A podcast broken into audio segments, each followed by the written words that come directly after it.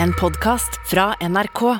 De nyeste episodene hører du først i appen NRK Radio. Paneldeltakerne har kommet i studio i dag. Det er da filmregissør Ulrik Imtias Rolfsen. God morgen. God morgen. Tidligere kulturminister, nå partner og rådgiver i Footprint, Trine Skei Grande. God morgen. God morgen, god morgen. Og velkommen til deg, forskningsjournalist Nina Kristiansen. God dag. Vi går rett på med første tema, omplassert kunst. Elgin Marbles, eller Parthenon-skulpturene. Dette er en stor samling med marmorskulpturer som var en del av Parthenon-tempelet på Akropolis i Aten. Dette ble, som veldig mye annen kunst, tatt med til England på 1800-tallet. Nå vil den tidligere britiske kulturministeren lord Vasey levere dem tilbake, det skrev BBC i går. Spørsmålet til panelet bør all slik kunst som er stjålet, omplassert, forflytta eller kjøpt og solgt mellom koloniherrer bli levert tilbake dit det opprinnelig hørte hjemme? Da spør vi først uh, Rolfsen. Ja, absolutt. Kristiansen? Ja. Grande? Jeg kan ikke si noe annet enn ja, for dette har jeg jobba mye, mye, med. Men de må jo ha et sted å ha det. Men uh, på pantoen har de jo. Mm. Rolfsen? Nei, Jeg kan bare tenke selv, hvis, du, hvis uh, vikingskipene var i, uh, i Belgia, liksom. og Vi hadde hatt det der de siste 100 årene, og vi fikk aldri se det. Vi måtte besøke våre egne vikingskip i Belgia. Det ville vi synes vært veldig trist. Så det er, det er jo helt å, åpenbart at uh, kulturhistorie og kunsthistorie fra de forskjellige landene må returneres. Det er masse ting som, fra Norge som også ligger i britiske museum. Eh, de fleste gravhaugene i den kommunen jeg kommer fra, ble jo plyndra av engelske lakselorder på sommerferie og plassert nede i Storbritannia. Så vi kan få tilbake litt, vi òg. Jeg tenker Britisk museum er et av de flotteste museene i verden. Det er helt fantastisk å gå der. Samtidig så er det litt fælt, fordi at du går og ser at dette her er stjålet, veldig mye av det. Eh, fordi det var ikke sånn at det ble frakta bare for å ta vare på. Mye av det ble plyndra av soldater. Det ble tatt i den der litt sånn hvite mann vet bedre enn absolutt alle andre. Så jeg syns jo det skal returneres, og britene er jo helt spesielle. Alle andre land driver jo og leverer tilbake, som Norge. Men britene sitter jo og holder på det, da. Det er lov faktisk som hindrer deg i å levere tilbake. Ja, men den har de jo lagd for å slippe, ikke sant. Sånn at det er jo helt typisk. Og så er det jo et dilemma her, da. Altså Hvis du skal levere tilbake til et regime som er kjent for å være korrupt, eller et, ja, et regime som Taliban, da, så skal du levere kunstskatter, verdifulle kunstskatter, til det. Så det er jo klart at det, det er jo noen vanskeligheter rundt dette her også, mm. men prinsippet er jo at det må hjem. Mm. Ja. Problemet litt er jo at f.eks. Norge har én runebomme, mens Tyskland har sju. Mm. Vi kunne jo ha fått tilbake noen av dem, spesielt for de museene som ikke engang vet at de har originale norske runebommer. Mm. Så det er mange vi kan krangle med her om, men vi må være i stand til å ta imot det. Så jeg mener ikke at du alltid skal sende det hvis folk verken har mulighet for å vise det fram mm. til folk, eller at de har sikkerhet nok til å, til å, kunne ta det videre. Nei, for Et eksempel er f.eks. Etiopia, et land der lederen ble tildelt fredsprisen for noen år siden. Men nå er jo en stor borgerkrig i gang. Kunst blir da kanskje sett i fare? Er ikke det greit at det blir liggende på trygge plasser, Rolfsen? Jo, jo, men det er jo en uh, whataboutism. Det er liksom Selvfølgelig er, finnes det hensyn å, å, å ta, men i utgangspunktet så leverer man tilbake det man har stjålet, når man oppdager at man har gjort noe gærent. Mm. Er ikke alt som er stjålet. Noe er jo kjøpt, sikkert for en latterlig lav sum. Er det da greit? Kristiansen? Ja, så har du da koloniveldet, ikke sant. Altså, Storbritannia tok jo over en haug av land. Ja, Så kjøpte de og gjorde en del handel med de landene, men i utgangspunktet var det jo urettferdig. Så eh, Storbritannia har jo synes jeg, et spesielt ansvar for å levere tilbake, og er spesielt vanskelige. Så ja, nei. My, mye av dette som ligger i museene hadde nok blitt ødelagt. Altså Grunnen til at Norge har én runebomme og Tyskland sju, eh, eller åtte, jeg husker ikke helt nøyaktig tallet, er jo fordi at vi brente dem. Vi sendte prester opp som brente disse runebommene til samiske befolkninga. Mm. Og så kom det da noen litt sære tyskere og syntes de var morsomme og tok dem med hjem istedenfor at vi skulle brenne dem. Så egentlig skal vi være kjempeglade for at de tok vare på dem. Mm. For hadde de blitt her, så hadde de nok blitt brent sammen med de andre. Mm. Og sånne ting vil du finne i historia, ikke sant. At det heldigvis var det noen som stjal noe, sånn at det ikke ble ødelagt. Men vi kan jo likevel rydde opp i det nå, da. Mm. Vi må over på neste tema, og vi starter med et uh, klipp. Jeg er justis- og beredskapsminister, og dette er en miniblogg fra min offisielle reise til Haag, Nederland. Vi dro ned søndag kveld fordi møtene starta tidlig mandag morgen, og jeg hadde litt ekstra tid, så jeg spiste middag med en venninne som jeg faktisk ikke har sett på over ti år. Det var Kjempekoselig. Og neste morgen dro jeg på en liten joggetur fordi jeg hadde veldig lyst til å bade. Jeg hadde hørt det var fine strender i Haag, og det stemte på en prikk. Ja, dette er et klipp fra justisminister Emilie Enger Mehl sin TikTok-konto. Hun har fått mye kritikk fra trygghetseksperter og kollegaer på Stortinget for at hun som justisminister er aktiv på TikTok, dette kinesiskeide sosiale mediumet som suger informasjon ut av mobilen din. Mehl sjøl sier at hun følger retningslinjer og råd fra Nasjonal sikkerhetsmyndighet. Spørsmålet er er det så farlig, Rolfsen? Ja. Kristiansen? Nei. Grande? Jo, dette er ordentlig farlig. Da begynner vi med han som sa nei først, Rolfsen. Jeg oppfatter at dette er en slags, eh, si, sosiale medier er en slags markedsføring av personlighet eh, og liv. Eh, og når man kommer i visse posisjoner, så, så, trenger man ikke den markedsføringen. Og man må veie den markedsføringen opp mot eventuelle farer for å vite hvor man er og hva som skjer. Og i tillegg når teknologi er så belastende når det gjelder spionasje og sånne ting, så syns jeg dette er skjødesløst. Mm. Kristiansen? Ja, jeg forutsetter jo at hun som er justisminister har den aller beste hjelp til å følge sikkerheten, og det sier hun jo også sjøl. Eh, Nei, Jeg satt og så på det sammen med noen 20-åringer i går. Det er jo folkeopplysning, dette her. Sånn er det å være justisminister. Kjempenyttig. Når ut til unge folk kan motivere i forhold til politikk. Innsikt i hva de driver med.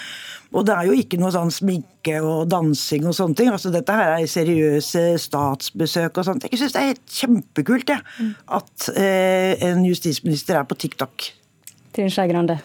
Ja, og, jeg, og, det er jeg enig i. For det er veldig mye sånne myter rundt politikerliv og hva det innebærer, mm. som man gjerne kan eh, bruke litt energi på å ta livet av. Eh, blant annet at eh, stortingspolitikere har så lang ferie, så det er bare, mm. å, bare å pøse på med det. Men jeg tror at nå er vi i en tid der naiviteten når det gjelder Kina og Russland, det må vi bare slutte med. Mm. Dette er regimer som ikke vil oss bra. Og da må vi ikke gi dem noen sjanser til å til å komme til oss, og da må vi også begrense noen sånne ting. Men kanskje hun kan finne seg en egen mobil og bare ha TikToken på, og så gjøre alt det andre på de andre. Ja, så finne en sånn løsning, så Jeg vil jo tippe at hun har sant, folk rundt seg, og det sier hun jo at hun har gjort. Tatt sikkerhet. Og jeg gikk inn på de derre retningslinjene som eh, vi har alle sammen for hvordan vi skal oppføre oss sikkerhetsmessig bra på, TikTok og Facebook og alle sammen. Og det er jo ingen av oss som følger det. ikke sant? Sånn F.eks. godta alt når du skal laste ned en ny app. ikke sant? Egentlig skal du lese disse lange dokumentene. Vi gjør jo ikke det. Vi skal skille privatliv og, og, og jobb. Mange av oss har jo litt som jobb å være på sosiale medier òg. Så vi er jo egentlig eh, ganske ille ute å kjøre alle sammen. Men hun har jo hjelp. Hun har jo sikkerhetsfolk rundt seg, så hun er, tror jeg er minst i trøbbel av oss. da.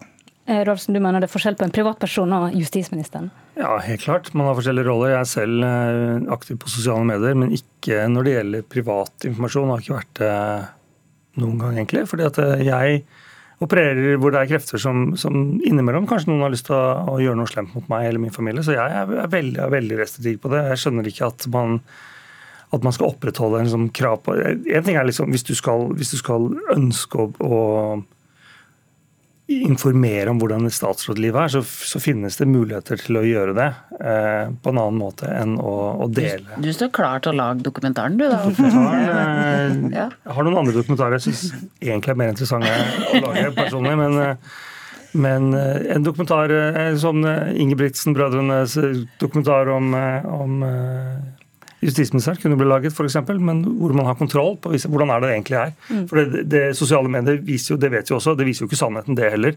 Eh, og, og, og, og, se hvordan strendene er i, i Haag og restauranten i Brussel og sånn. Jeg vet ikke. Det virker uh, Nei, det var, uviktig. Det var, mye mer enn det. det var mye, mye mer enn det. ok, vi må over på siste tema. Vi skal gå ut. Bevarte hemmeligheten på TV. Klarer du å gjette hvilken kjent person som er bak maska?